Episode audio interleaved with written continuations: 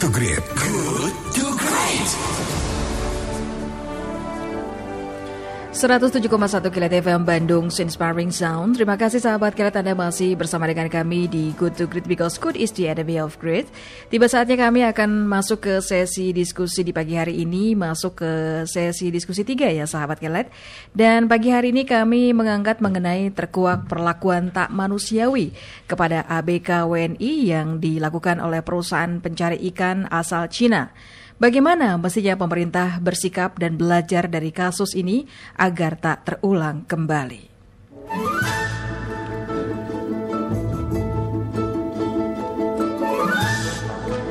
Sahabat Kelet, baru-baru ini publik Indonesia dikejutkan dengan aksi dugaan eksploitasi yang menjurus pelanggaran HAM pada ABK di sebuah uh, kapal berbendera Cina di Korea Selatan. Insiden ini diungkapkan oleh sebuah media televisi Korea Selatan. Atas insiden ini, pemerintah Indonesia mengutuk perlakuan tak manusiawi kepada ABK WNI yang dilakukan oleh perusahaan pencari ikan asal Cina. Menteri Luar Negeri Retno Marsudi mengatakan perlakuan yang didapat ABK WNI melanggar hak-hak asasi manusia. ABK WNI disebutkan tidak diberi makan layak, bekerja dalam jangka waktu yang tidak wajar dan pembayaran gaji yang tidak sesuai kontrak. Retno juga mengatakan pemerintah berkomitmen sangat tinggi untuk menyelesaikan masalah secara tuntas. Pemerintah Indonesia akan terus meminta otoritas Cina untuk bekerja sama dengan otoritas Indonesia menyelesaikan eks, uh, masalah eksploitasi tersebut. Terkait ini, Rektor Universitas Jenderal Ahmadiyani atau Unjani yaitu Hikmahanto Juwana mengatakan pemerintah Indonesia harus memberikan perlindungan kepada para ABK. Guna untuk membahas hal tersebut, maka pagi hari ini kami menghadirkan narasumber Profesor Hikmahanto Juwana, selaku pengamat hubungan internasional dan juga Rektor Universitas Jenderal Ahmadiyani atau Unjani.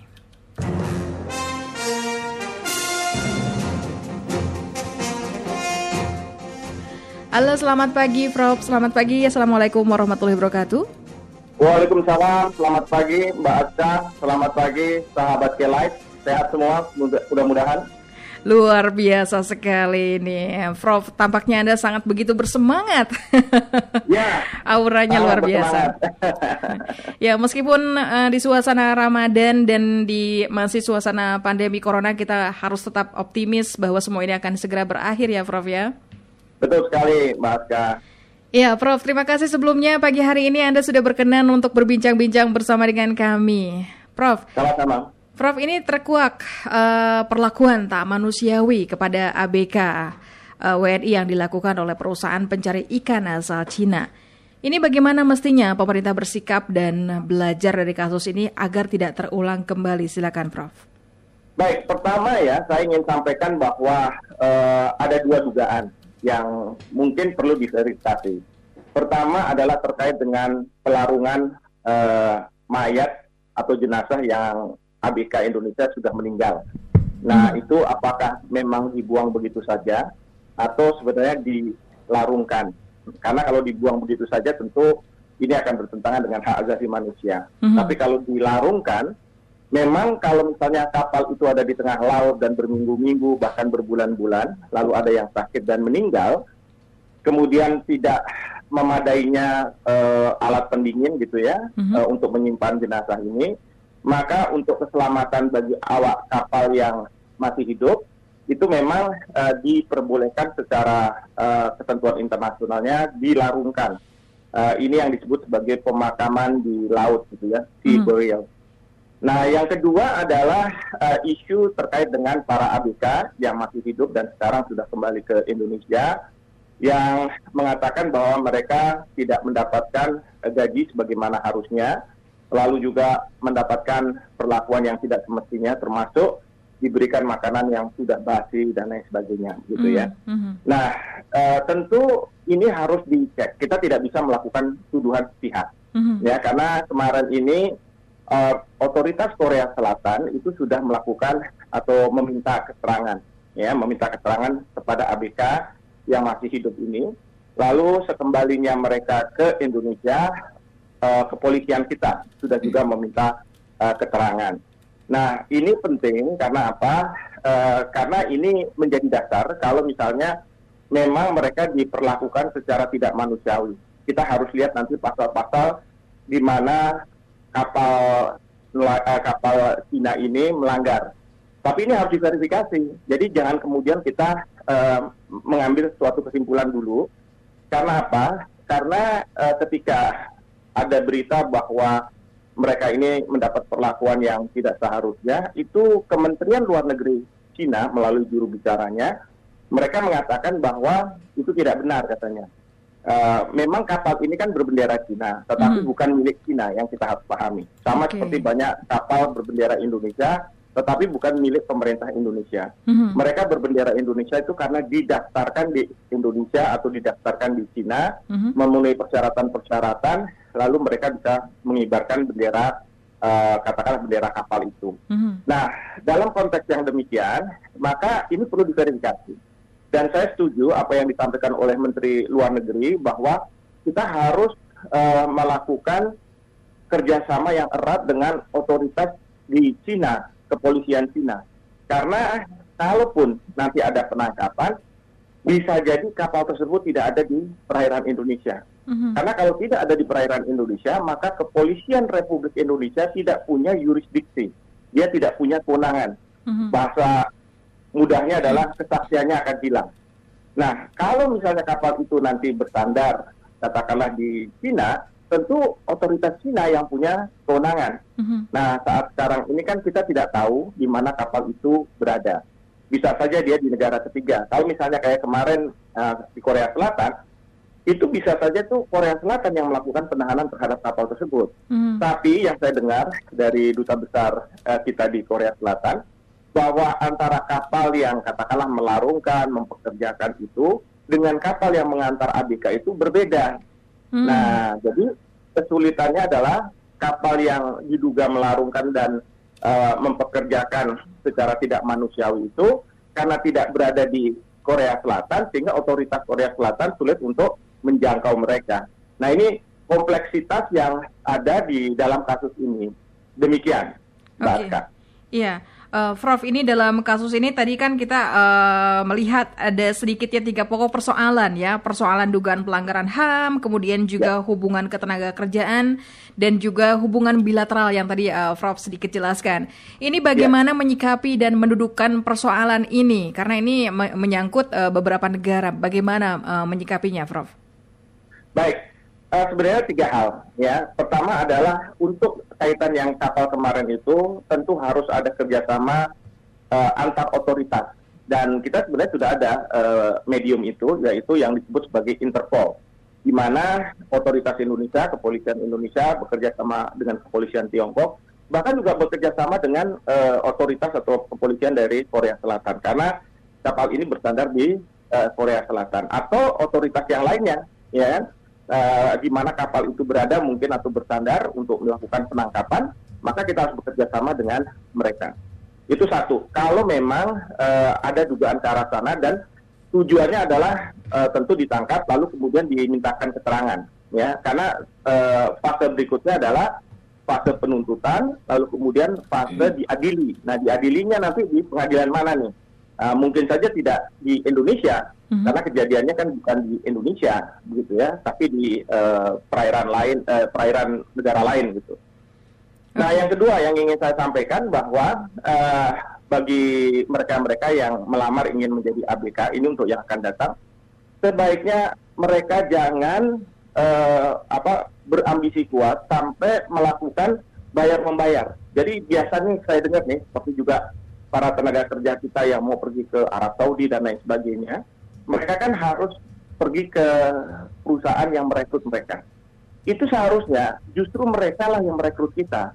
Hmm. Tapi mungkin karena kita ini ada kurang ini, kurang itu, belum punya paspor, akhirnya kita membayar. Nah itu kalau sudah seperti itu, uh, para pelamar ini dalam posisi yang tidak bagus gitu hmm. ya. Karena apa? Bisa diperlakukan ya ujungnya nanti seperti budak itu. Hmm. Jadi jangan mau uh, kemudian kita bayar membayar mm-hmm. ya kita harus misalnya ikut di dalam satu perusahaan kayak perusahaan penggerak tenaga kerja ini tapi untuk uh, pelayaran begitu ya uh, mereka itu harus bonafit ya artinya hmm. kita udah tahu uh, perusahaannya di mana, kantornya di mana, terus kemudian siapa pengurusnya, uh, pokoknya harus yang kita percaya. Kenapa? Karena mereka inilah yang nantinya merekrut kita, bahkan melatih kita sebelum diberangkatkan, dan mereka lah yang kemudian akan mendapatkan uh, katakanlah calon majikan yang benar, gitu hmm. kan? Nah, tapi kalau misalnya sudah mulai abal-abal, harganya murah-murah, jangan-jangan nanti calon majikannya juga yang abal-abal juga. Nah, itu yang harus ya, kita harus lihat itu bahaya. Hmm. Nah, yang ketiga jangan sampai para pelamar ini memasukkan misalnya ijazah, memasukkan sertifikat bahwa mereka layak untuk menjadi awak kapal dan lain sebagainya. Karena kalau misalnya nanti sudah masuk di kapal ternyata tidak bisa melakukan pekerjaan-pekerjaan itu, ya pantas saja kalau misalnya majikan mereka akan marah-marah dan kadang-kadang kalau orang marah itu bisa juga di luar batas kemanusiaan. Itu yang kemudian dianggap sebagai melanggar HAM.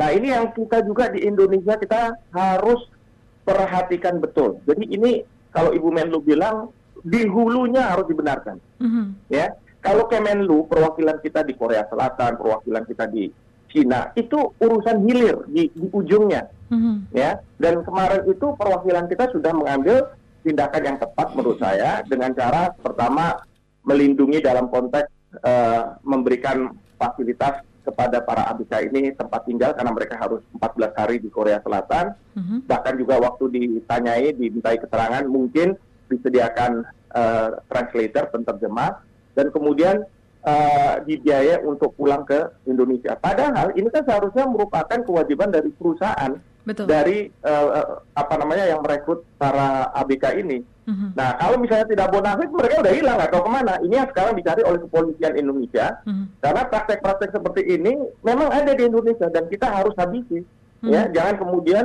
kita mengatakan menuding misalnya, oh nih uh, Cina-nya yang salah, apalagi pemerintah Cina. Kalau pemerintah Cina nggak ada urusan ini sebenarnya, karena yang masalah itu adalah kapal-kapal yang mempekerjakan mereka ini. Jadi okay itu yang harus diperhatikan. Lalu kemudian tentu yang kedua, pemerintah di Indonesia tolong koordinasinya harus bagus. Ya kan karena di Indonesia ini kalau udah soal uh, tenaga kerja ini ada misalnya Kementerian Tenaga Kerja, ada BNP 2 TKI dulu. Sekarang kalau saya nggak salah namanya BP2MI. Lalu kemudian ada uh, dengan pemerintah daerah mungkin yang uh, di mana para pekerja ini akan direkrut Uh, belum lagi nanti ada uh, Kementerian Luar Negeri melalui perwakilannya di ujung sana gitu ya di hilirnya.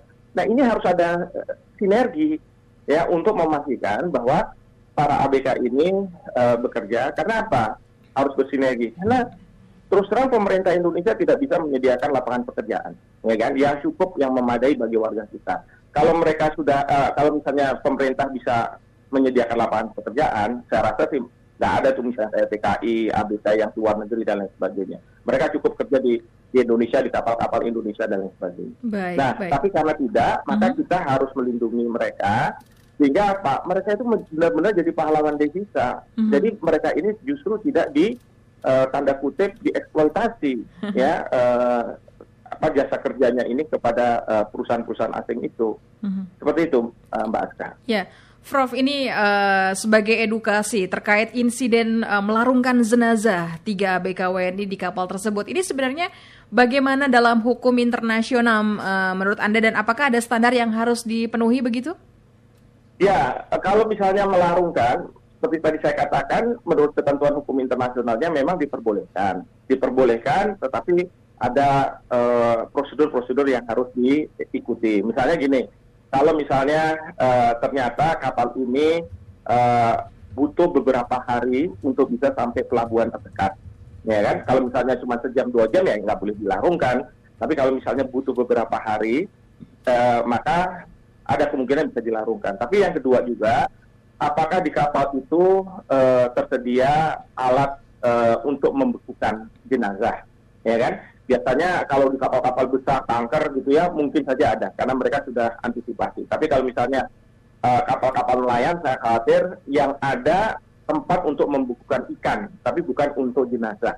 Ya dan itu tidak boleh misalnya tercampur ikan dengan jenazah. Mm-hmm. Lalu yang ketiga, uh, kalaupun nanti akan dilarungkan, harus ada ritual keagamaan yang dilakukan.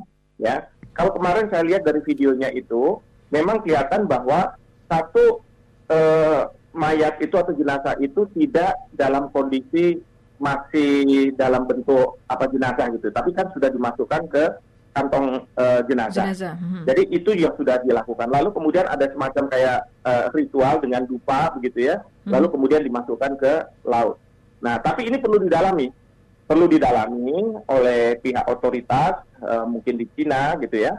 Uh, untuk apakah prosedur ini sudah terpenuhi atau tidak. Kalau sudah terpenuhi memang tidak ada salahnya. Tapi kalau tidak terpenuhi ya itu dianggap sebagai suatu kesalahan. Ya, baik, Prof. Ini berkaca pada kasus ini. Sejauh uh, sejauh ini bagaimana Anda melihat upaya-upaya yang sudah dilakukan pemerintah, Prof? Ya, ini yang tadi saya katakan. Kalau selama ini sudah bagus terkait dengan tenaga kerja. Ya, pengerahan tenaga kerja untuk jadi ART, untuk menjadi pekerja di perusahaan atau di perkebunan. Uh, karena banyak sekali kasus-kasus seperti ini yang mirip-mirip kayak ABK ini uh, terjadi. Misalnya uh, eh, ART kita dianiaya oleh majikan ya lalu kemudian mungkin dihukum mati karena dia marah dengan majikan sehingga membunuh gitu. Itu sudah dilakukan.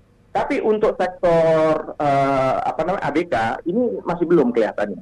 Artinya maksud saya belum itu memang ada instansi-instansi yang uh, melakukan apa pemberian perizinan dan lain-lain tapi belum dalam konteks sinergi untuk memberikan uh, perlindungan bagi para ABK kita Nah ini yang mungkin harus difokuskan oleh pemerintah ke depan, ya karena beliau-beliau ini, ABK ini juga punya potensi untuk mengisi uh, devisa negara satu, dan yang kedua kalau mereka menabung uangnya itu kan nanti dibawa ke kampung, artinya juga uang itu juga signifikan untuk perputaran ekonomi di Indonesia. Oleh karena itu, menurut saya ke depan pemerintah harus juga fokus karena ternyata uh, orang-orang Indonesia uh, bisa menjadi uh, eh, ABK-ABK bagi kapal-kapal asing yang biasanya ada itu ya selain kapal nelayan, kapal pesiar, kapal tanker, ya kayak kapal pesiar kan kemarin kita dengar ada ABK kita yang terpapar corona juga ya COVID-19 ya. Mm-hmm. Nah jadi seperti itu. Jadi ini ini sudah bagus sebenarnya. Uh, kayak juga perawat-perawat itu banyak juga yang direkrut ke luar negeri ke Jepang dan lain sebagainya. Lalu pemerintah juga harus melihat uh, negara mana mereka ini akan uh, pergi gitu ya. Karena kalau misalnya untuk TKI, kalau mereka misalnya pergi ke Jepang, pergi ke Hong Kong, mungkin pemerintah tidak perlu uh, apa namanya melakukan pengawasan yang ketat, ya karena di sana standar hak asasi manusianya sudah baik. Hmm. Tapi kalau misalnya kayak, mohon maaf, ke Arab Saudi atau ke negara-negara Timur Tengah gitu ya, uh, atau mungkin ke Malaysia itu itu yang kemudian pemerintah harus lebih ketat. Nah demikian juga dengan kaitan dengan ABK mungkin juga bisa dilihat nah, kapal-kapal negara mana yang akan merekrut ini ini juga harus diperketat gitu ya jangan sampai uh, mereka tidak apa mendapatkan uh, hak-haknya ketika mereka bekerja. Tapi kalau misalnya kapal-kapal kayak cruise yang dimiliki oleh uh, apa namanya pengusaha dari Jepang atau dari Amerika dan sebagainya, ya menurut saya sih tidak perlu ada pengetatan ya, karena pasti mereka akan dijamin hak-haknya. Baik.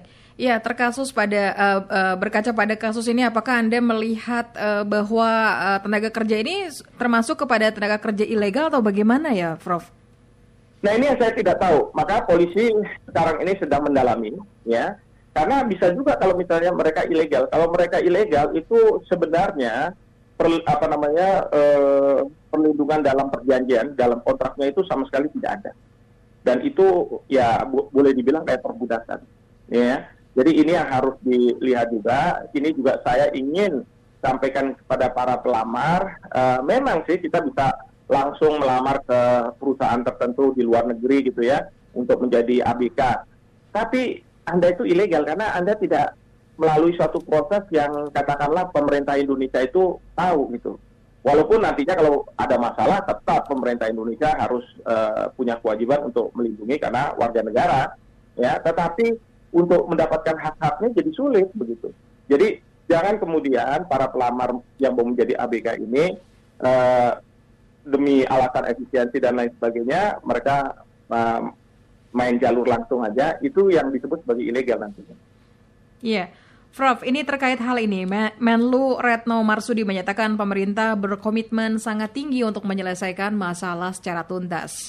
Pemerintah Indonesia akan terus meminta otoritas Cina untuk bekerja sama dengan otoritas Indonesia menyelesaikan masalah eksploitasi tersebut. Nah, ini bagaimana tanggapan Anda, Prof? Ya, tentu permintaan itu sangat wajar. Ya, karena apa? Karena para ABK ini kan berwarga negara Indonesia. Sekarang masalahnya ada respon dari pemerintah Cina atau tidak? Hmm Nah itu yang jadi masalah besar begitu ya. Uh, ini kalau misalnya pemerintah Cina mau melindungi uh, kapal-kapalnya, uh, warga negaranya, tentu tidak akan ada kerjasama itu. Uh, tetapi kalau misalnya pemerintah Cina merasa bahwa saya ingin dikenal sebagai sebuah negara yang tidak menjadi surga bagi uh, warga negara saya yang melakukan kejahatan, bagi warga negara saya yang melakukan pelanggaran HAM. Nah itu bagus itu pasti akan ada kerjasama, ya kan? Uh, tapi juga kita juga harus paham kalau misalnya otoritas Cina sudah bekerja, ternyata dia tidak menemukan uh, kesalahan-kesalahan, jangan kemudian kita juga desak uh, supaya ada. Itu sama aja kita berperan sebagai polisi, seolah-olah kita sudah menyimpulkan bahwa memang ini ada dugaan, gitu kan? Nah itu juga nggak boleh juga, ya. Dan kemudian juga yang berikutnya adalah kalau kepolisian Cina itu sudah bergerak ya di dalam konteks uh, otoritas di Cina, tentu kita juga tidak bisa mendesak misalnya presidennya. Uh, itu nggak mungkin. Seperti kayak di Arab Saudi, kalau misalnya ada otoritas uh, di Arab Saudi sampai pengadilan menghukum mati, katakanlah begitu, lalu kan di sana ada apa namanya, uh, kalau ada permohonan maaf gitu ya, jadi ada uang diat gitu, itu lalu masyarakat masyarakat kita mendesak presiden untuk bersurat ke uh, Raja Arab Saudi Nah Raja Arab Saudi bilang saya nggak bisa intervensi karena ini putusan pengadilan. Hmm. Jadi proporsional kita misalnya mendesak pemerintah Indonesia, mendesak pemerintah negara lain gitu ya. Jangan kemudian menggampangkan permasalahan karena terus terang memang ada kompleksitas. Ya, sama juga kayak di Indonesia ini banyak sekali kompleksitasnya. Siapa yang sebenarnya punya tanggung jawab, uh, boleh tidak diintervensi dan lain sebagainya. Baik, baik, Prof. Yang terakhir, ini kita ketahui ya. insiden semacam ini sebenarnya bukan kali ini terjadi ya. Nah, ini bagaimana Betul. mestinya ke depannya masukan-masukan Anda pada pemerintah untuk perlindungan bagi warganya? Silakan, Prof. Ya, yang pasti adalah pemerintah satu mencegah adanya para ABK yang direkrut secara ilegal. Kedua, kalau mereka direkrut secara legal, tolong harus ada uh, koordinasi, sinergi antar pemerintah misalnya yang mengeluarkan izin itu siapa, yang melakukan penempatan itu siapa, dan lain sebagainya. Ketiga, kalau misalnya mereka di tengah uh, pekerjaannya ada masalah, tentu perwakilan kita harus sigap di dalam melindungi uh, hak-hak warga negara kita. Lalu keempat, uh, otoritas kepolisian dan lain sebagainya ini harus uh, cepat tanggap juga untuk bekerja sama dengan otoritas dari negara lain karena masalah seperti ini uh, kalau misalnya ada dugaan pidananya, ini nggak bisa misalnya Kementerian Tenaga Kerja atau misalnya uh, apa yang dulu BNP 2 TKI atau BPM uh, 2 BP2MI gitu ya yang yang harus turun. Uh, tapi ya memang harus kepolisian karena berkaitan dengan dugaan kejahatan. Uh, nanti juga uh, masalah di mana diadilinya dan lain sebagainya. Ini juga uh, apa namanya harus dipahami betul sehingga para aparat uh, bisa sigap. Yang kita inginkan adalah mereka yang bersalah harus dihukum. Mereka yang bersalah tidak akan melakukan tindakan salahnya kembali dan mereka yang bersalah akan memberi contoh bagi yang lainnya untuk tidak melakukan kesalahan yang sama. Mhm. Sehingga ya ABK kita terlindungi. Demikian. Baik, baik. Terima kasih Prof untuk bincang-bincang di pagi hari ini. Ini menambah Baik, informasi untuk kami. Selamat pagi dan bagi uh, mereka yang baru lulus SMA jangan lupa mendaftar di Unjani iya. karena saya sekarang sudah jadi rektor di sana. Baik, baik. Terima kasih Terima kasih banyak. Sama-sama. Selamat pagi. Assalamualaikum. Sukses Selamat pagi. Anda. Waalaikumsalam. Ya demikian sahabat Kelight perbincangan kami bersama dengan Bapak Profesor Hikmahanto Juwana selaku pengamat hubungan internasional dan Rektor Universitas Jenderal Ahmad Yani atau Unjani.